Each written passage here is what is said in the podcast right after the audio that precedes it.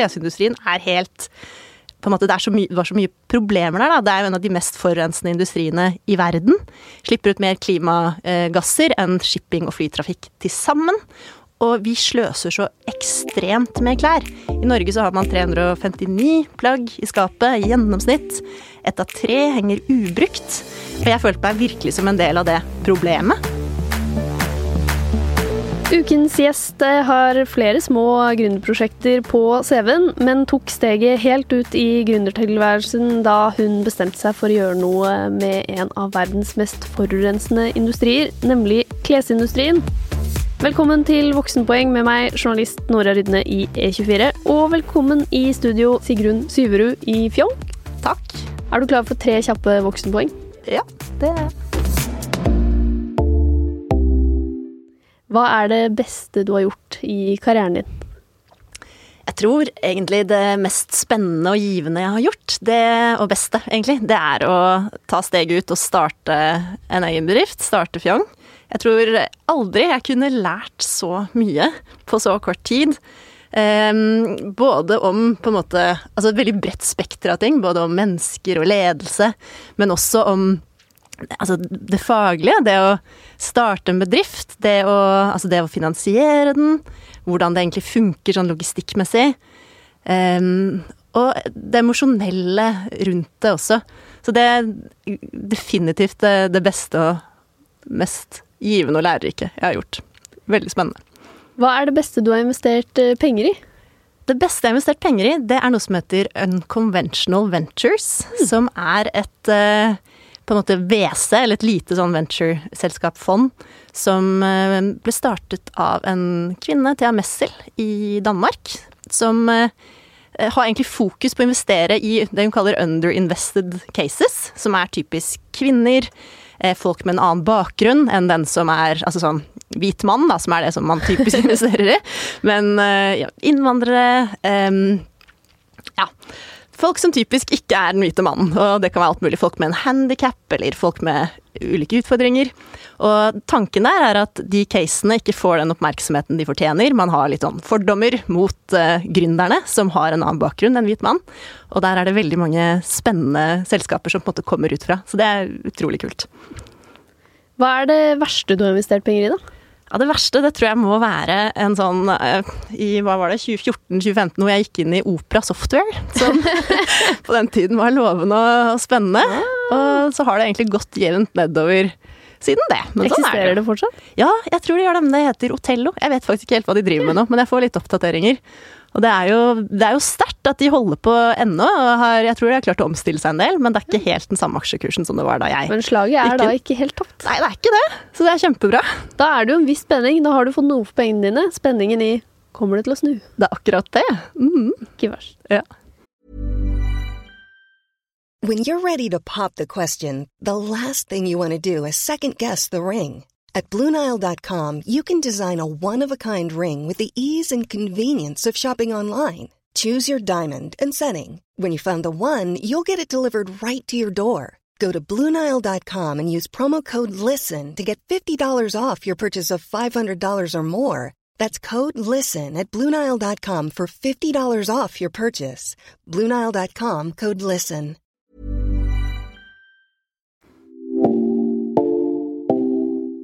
Men eh, Sigrun, eh, hva ville du bli som ung? Visste du alltid at du skulle bli gründer?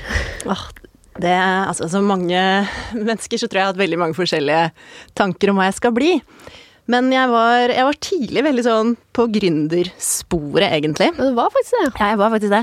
Så jeg, eh, jeg og en venninne, naboen, vi starta en sånn bokklubb ganske tidlig. Som, eller bokklubb slash liksom klubb, hvor man kunne Hvor vi hadde sånn innlegg, noe som het eh, TL-klubben og forskjellige sånne blader som vi sendte innlegg hvor vi skrev at vi skal starte en klubb. Og dere kan melde dere inn ved å sende oss et lite brev om at dere vil melde dere inn. Og så kostet det noe, og så skulle vi sende liksom innhold som vi lagde hvert kvartal eller sånt. Og da kanskje intervjuet vi noen naboer og noen oppskrifter, og printet ut det da på hennes, eh, foreldrene hennes sin printer, og lagde en sånn liten medlemsblad som vi ja. sendte ut. Så det tror jeg var det første.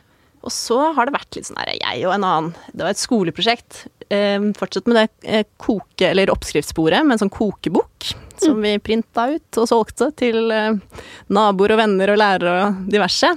Og det som var liksom annerledes med den kokeboka, var at vi hadde prøvd alle oppskriftene og skrevet vår egen lille sånn eh, review av hver oppskrift, og hva som var vanskelig og, og sånn. Så, Og dette var det, på ungdomsskolen? Ja, det var på ungdomsskolen. Mm. Ikke verst. Ja. Så det kunne fort blitt liksom matgründer på deg, Ja, det egentlig. kunne jo egentlig det. Men, eh, men så var det jo egentlig det at um, Særlig tror jeg sånn utover ungdomsskolen på videregående så fikk jeg veldig lyst til å bli journalist. Og hadde veldig lyst til å reise ut i verden og, og ja, bli kjent med nye land omtrent. Og kulturer og forstå verden bedre. Så jeg tok faktisk et sånn eh, journalistikk- og fotohalvår eh, i Brasil etter eh, videregående. Skjønte vel egentlig da at jeg tror ikke jeg skal bli det, egentlig. Så det er gøy å skrive og, og er generelt opptatt av og interessert i folk rundt omkring. Men jeg tror det var også særlig sånn mamma og foreldrene mine som var veldig at eh, du kan gjerne bli journalist, men du burde studere et eller annet som du kan ha som liksom ditt sånn fagområde. Mm. Um, og så begynte jeg å, å studere statsvitenskap, faktisk.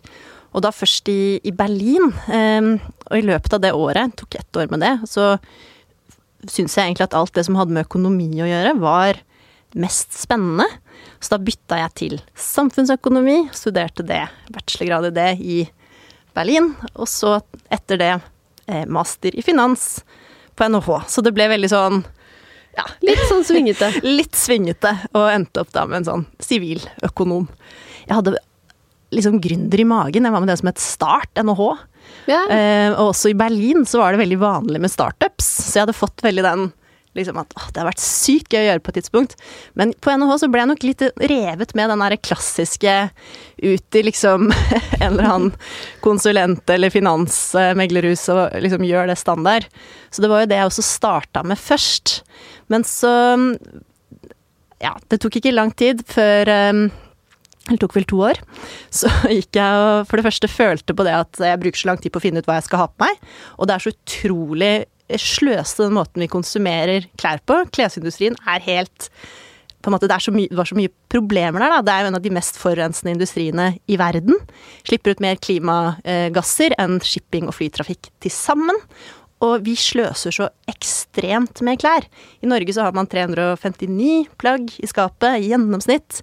Ett av tre henger ubrukt. Og jeg følte meg virkelig som en del av det problemet. At jeg hadde sykt mye plagg. Klær som jeg liksom hadde kjøpt opp igjennom. Brukte bare en liten del av det. Hadde masse som hang i skapet med ja, som jeg nesten ikke hadde brukt, med lappen på.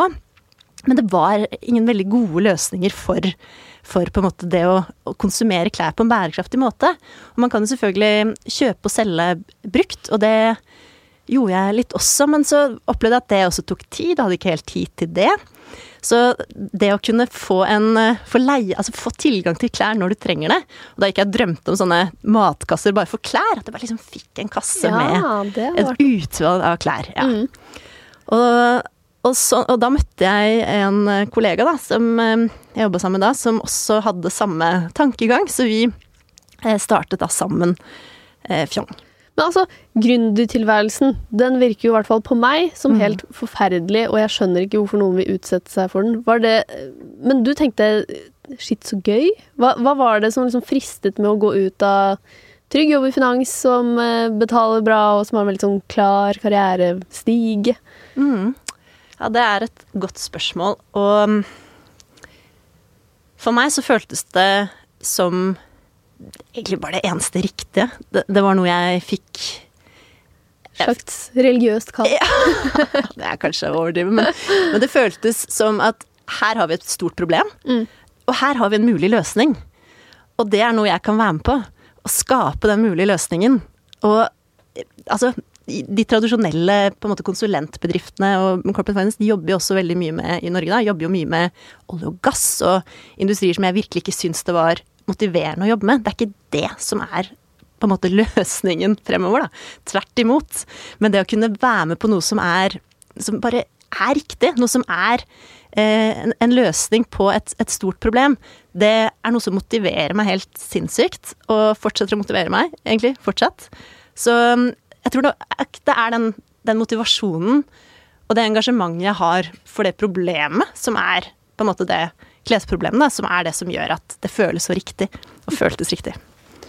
Så det, kan ikke du bare forklare fort hva, hva Fjong egentlig er? Og litt Mm. sånn hva det startet som, og hva det er nå?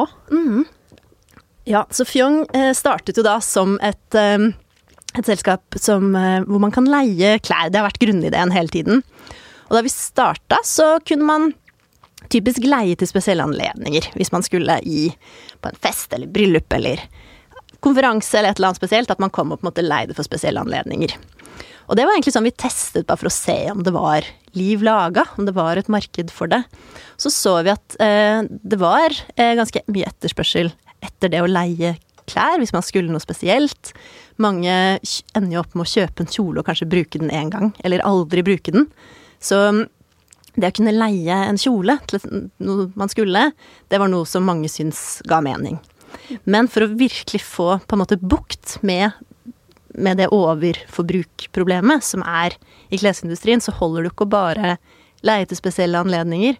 Det må jo være en del av hverdagen. Så, og i tillegg så må det gjøres skalerbart. Og det er en av de store utfordringene med egentlig delings- og sirkulærøkonomi. Det at det, skal ikke bare ut til kunde en gang. Det skal tilbake, og det skal håndteres. Man skal vite til enhver tid hvor mange ganger plagget har vært leid ut, hvilken på en måte håndtering det trenger. Trenger det reparasjon? Eh, det skal komme tilbake til rett tid. Det skal ut til kunden igjen i rett tid. Det er utrolig mye logistikk som må holdes oversikt over til enhver tid. Mye data og informasjon som må håndteres. Så vi har bygget en, en plattform, et software, som gjør dette skalerbart, som enkelt kan integreres med Nå f.eks. på Kalbakken så har vi integrert oss med et uh, renseri og vaskeri som håndterer den delen av verdikjeden. Og så leverer vi da videre med Helt hjem, som da leverer til kunden, og så skal det hentes og returneres i riktig tid. Sånn at vi på en måte styrer disse, eller vi har kontroll over flyten i plaggene, at det kommer tilbake, at det da vaskes, eventuelt repareres, at det håndteres riktig. Det går ut til kunden neste gang igjen.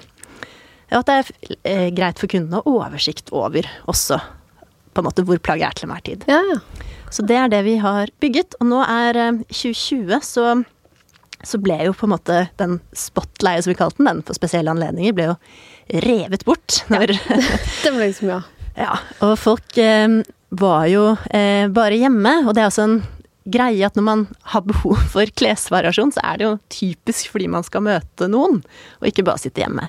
Så det var et eh, veldig utfordrende år, 2020. Men da lanserte vi klesabonnement, som egentlig er sånn de kleskassene jeg drømte om Ja. da jeg jobba. Hvor du får en pakke med et visst antall nye klær hver, eh, hver måned. Og så har du de da så lenge du vil, om du vil ha det den måneden eller flere måneder. Og så bytter du ut når du blir lei. Så dette det er en slags delt garderobe med alle Fjong-abonnentene. Eh, som da sendes ut når man ønsker eh, disse plaggene. Og nå er det jo mange som har hjemmekontor og sånn, så nå er det mer hverdagsplagg og finere hverdagsplagg. Men så er det jo også Vi gleder oss veldig til samfunnet åpner igjen, for da kan man også leie når, det, når folk har enda mer behov, i hjernen, med ja, enda finere liksom, kontorklær og og selvfølgelig til spesielle anledninger, som vi også tilbyr. Men den hverdagsleien gjennom de abonnementene, det har vært en veldig, veldig spennende produkt å få ut, og noe som virkelig kan endre hvordan folk konsumerer klær og tenker på kleskonsum. Men da du starta det her, så hadde du jo litt sånn eh, low-key gründererfaring eh, fra tidlig av. Var det noe du tok med deg derfra som du hadde nytte av helt i starten av Fjong, som på en måte ble første ordentlige sånn fulltidsjobbprosjekt? Det er et godt spørsmål om jeg tok med noe fra de gründerprosjektene. Jeg tror Eller jeg opplever at det er veldig vanskelig å vite hvor du har lært hva. Ja. Så man bare Man tar jo med seg ting. Men jeg tror kanskje noe av det viktigste som gründer, det er jo å, å ha en veldig sånn stå-på-vilje. Um, håndtere ting som um, er vanskelig, for det er mye motgang. Men da klare å håndtere det på en måte som uh, ikke er uh, at man liksom går ned og kjelleren av den grunn, men at man klarer å holde eh, egentlig humøret oppe og fokus på hva du egentlig skal bygge, da. Og det å, å gjøre ting som kanskje andre Ja, gjøre ting imot hva andre syns er lurt. Du får jo mange råd i alle verdens liksom, kanter og bauger, og, og veldig mange vil mene ting om det du gjør. Og det å navigere ut fra et virvar av råd og meninger når det er en ny ting, mm. det er også noe som jeg sikkert har tatt meg litt fra tidligere, at det er Man må prøve å holde hodet kaldt og fokus på det man Den visjonen man har, da, og det man tenker er riktig vei å gå. Var det mange som ikke hadde tro på fjong i starten? Um, altså, i starten var det helt sånn at folk var veldig skeptiske til det å leie klær. Nå har det jo skjedd veldig mye bare de siste par årene. Men først, så, da vi begynte, så var det mange som sa, og egentlig særlig menn, tror jeg, at, um, at noe At man liksom vil, vil, ikke dele klær med folk, og det er for, for privat og for personlig, og det er så tett på huden. Men um, der har det skjedd veldig mye, så nå er det ikke så mange som sier det lenger. Jeg tror også det var en, eh, et konsept som ofte kvinner liksom skjønte bedre menn. De har, føler jo ofte mer på det behovet, at man må kle seg variert. Ja, Men, hvis du er ja. mann i finans, så kan du ha tre dresser, og så er du good. Ja. Ready to pop the question? The jewelers at BlueNile.com have got sparkle down to a science with beautiful lab-grown diamonds worthy of your most brilliant moments. Their lab-grown diamonds are independently graded and guaranteed identical to natural diamonds, and they're ready to ship to your door. Go to Bluenile.com and use promo code LISTEN to get $50 off your purchase of $500 or more. That's code LISTEN at Bluenile.com for $50 off. Bluenile.com code LISTEN.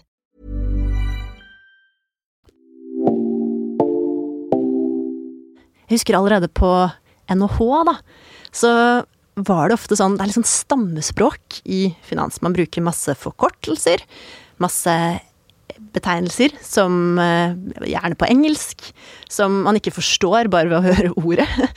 um, så vi bestemte oss for å lage en mye mer forklarende investorpresentasjon.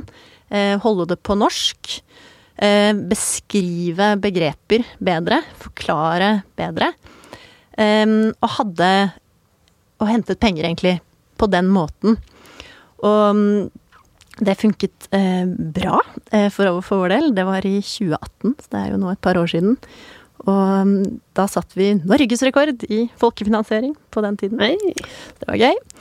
Eh, men da var det også flere kvinner som sa at liksom, ja, det er veldig gøy og gøy konsept og sånn, og veldig spennende, men jeg føler liksom ikke at jeg kan nok om investeringer og finans til å kunne vurdere det, og det må jeg snakke med mannen min om, mm. eller at det var veldig klassisk.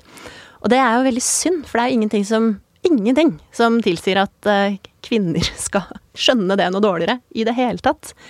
Men det blir ofte en sånn herre Altså når man forklarer noe, eller når man ikke forklarer noe, når man bare slenger om seg med begreper, så er det veldig vanskelig for folk å komme inn eh, i et konsept, eller komme inn i det å investere.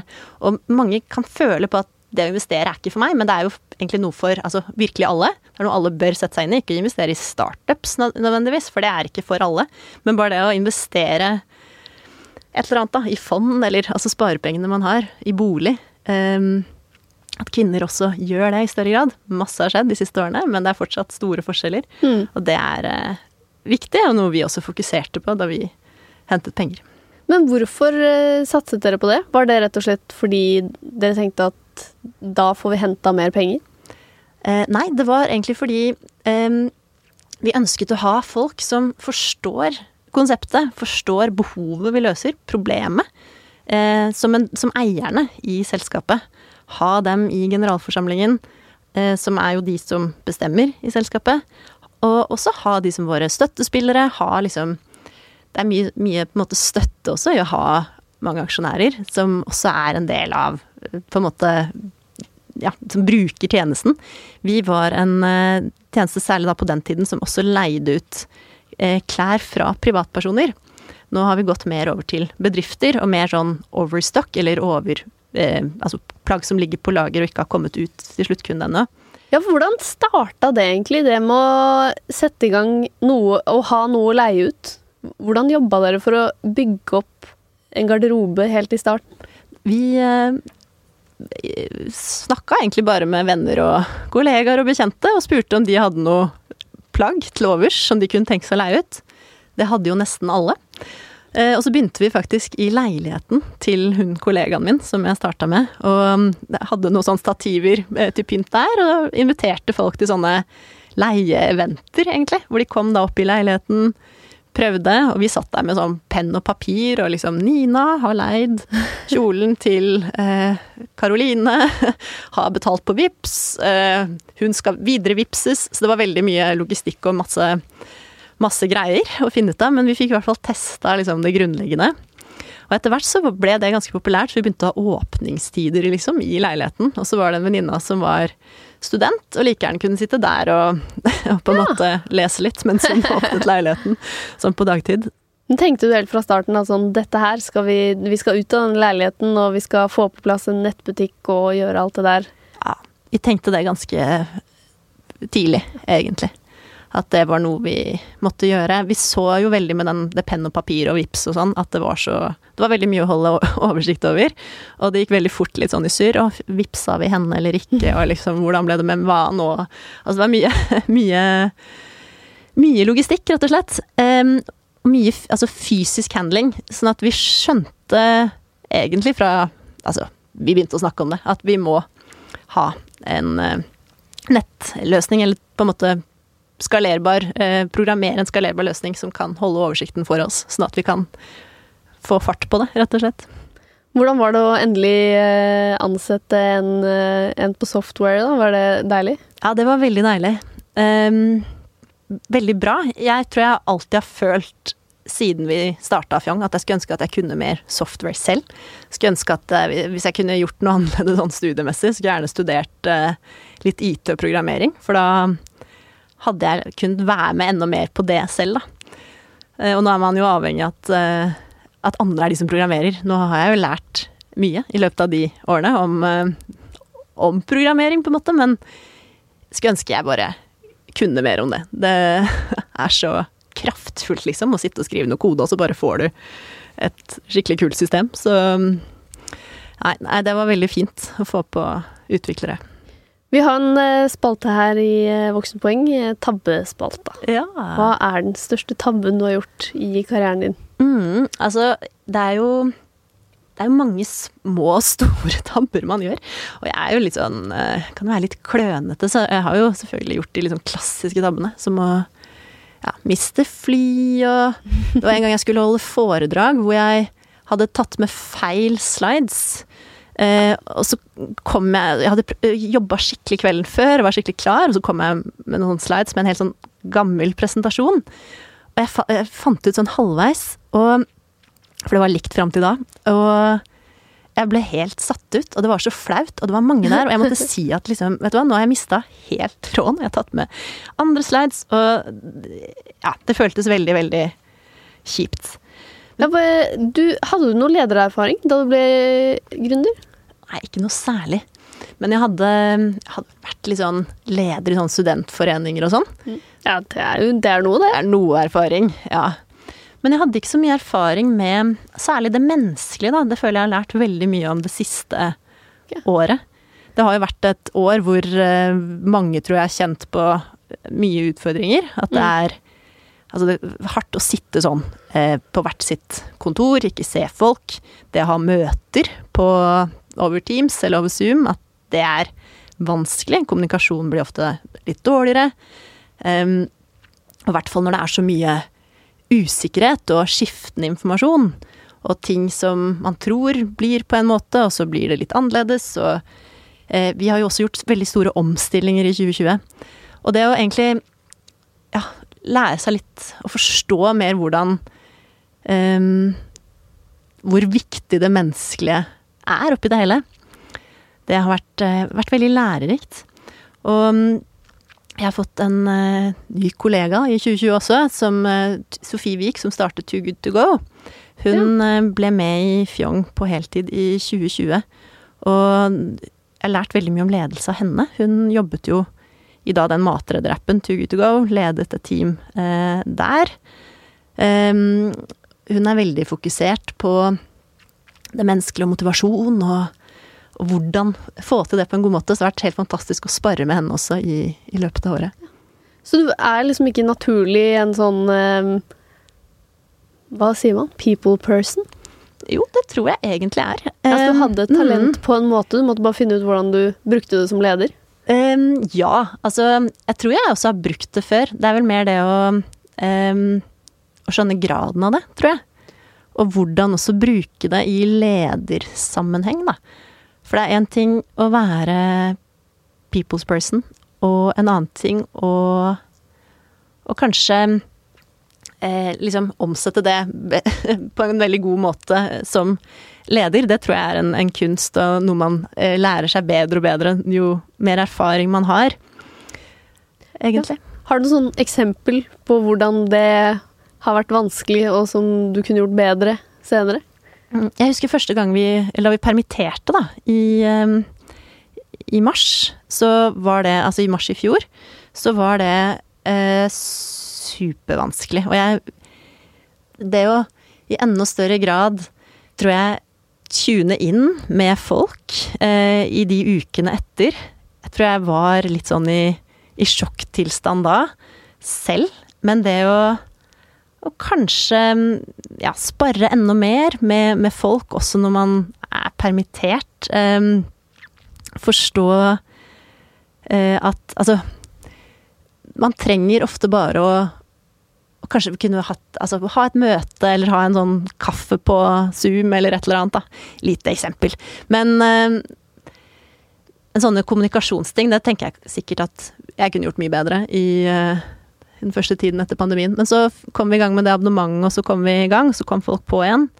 Er det litt sånn gründersyndromet? At man ikke kan tenke på alle Altså, det er litt som å eh, gå på slak linje, line og ikke se ned, fordi mm. da Det er for høyt. Ja, det kan godt være, altså. Så, og det å, det å snakke om de vanskelige tingene eh, mer åpent, det, det er nok lurt. Mm. Hva tenkte du selv da, da nedstengning én og to kom? Altså, den første nedstengingen, det syns jeg var helt eh, ah, sjokkerende. Eller jeg, det, hadde, det, gikk så fort, og jeg var en av de som eh, bare få dager før vi hadde den presse... Eller Erna og de hadde den pressekonferansen om at nå stenger alt, så hadde jeg vært veldig ja, positive og tenkte at nei, det viruset kommer sikkert ikke så heftig til Norge, og i så fall kan det jo ikke bli all verdens med konsekvenser. Det har jo vært masse virus før, og de har liksom aldri truffet oss så veldig. Eh, og tatt veldig den tonen. Så eh, jeg var helt satt ut, egentlig. Og, og, det var veldig fælt, nesten, å se alle de mailene som kom inn med at eh, Og avbestillingene og um, alle kanselleringene og alt. Altså hele verden ble snudd opp ned. Men hva gjør man med, grunn, med liksom psyken som den som står ansvarlig for et selskap, og så det, går det på én smell, og så en smell til? Har du noen tips der til andre om hvordan man liksom beholder roen? Fokusere på det man skal, det som er målet. Eh, og så tenke på hva er det man har kontroll over, og hva er det man ikke har kontroll over. Eh, pandemi, ikke kontroll over. Nedstenging, ikke kontroll over. Så det må man bare akseptere. Og så får man heller se og sette inn alle eh, alt støtet på det man faktisk kan gjøre noe med, da. Det er jo hvordan da man håndterer det. Hvordan man um, hvordan man snakker rundt det også, egentlig. Og hvilke muligheter som finnes i en god krise. Og det skal sies at uh, i etter at liksom det verste sjokket hadde lagt seg, da, så var det jo en egentlig kjempeproduktiv periode, vil jeg si, for oss i Fjong. Og vi, uh, vi, la jo da om til disse abonnementstjenesten, og fikk den ut i, i juni. Mm. Uh, selv om vi ikke hadde brukergrensesnitt og sånn klart, så bare satte vi i gang. Og fikk ganske god Eh, traction på det da. Vi, eh, vi flytta og integrerte oss da med det eh, på en måte renseriet og vaskeriet.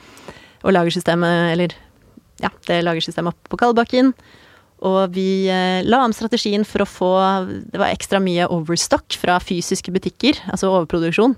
Og vi snudde oss rundt og fikk masse nye partnere med som klestilbydere. Så du gikk liksom aldri i kjelleren og lå i fosterstilling og i dusjen og tenkte nå, nå dør vi, nå går dette til helvete? Nei, altså jeg må si at eh, jeg var jo helt i sjokktilstand etter den 12. mars. Da var jeg satt ut. Eh, og jeg tror altså den helgen Jeg hadde faktisk bursdag 13. mars, og det var helt sånn Ja, det var så surrealistisk. Det var da vi eh, Det var da jeg måtte si at liksom vi må dessverre permittere, og det var så På bursdagen din? på, Ja.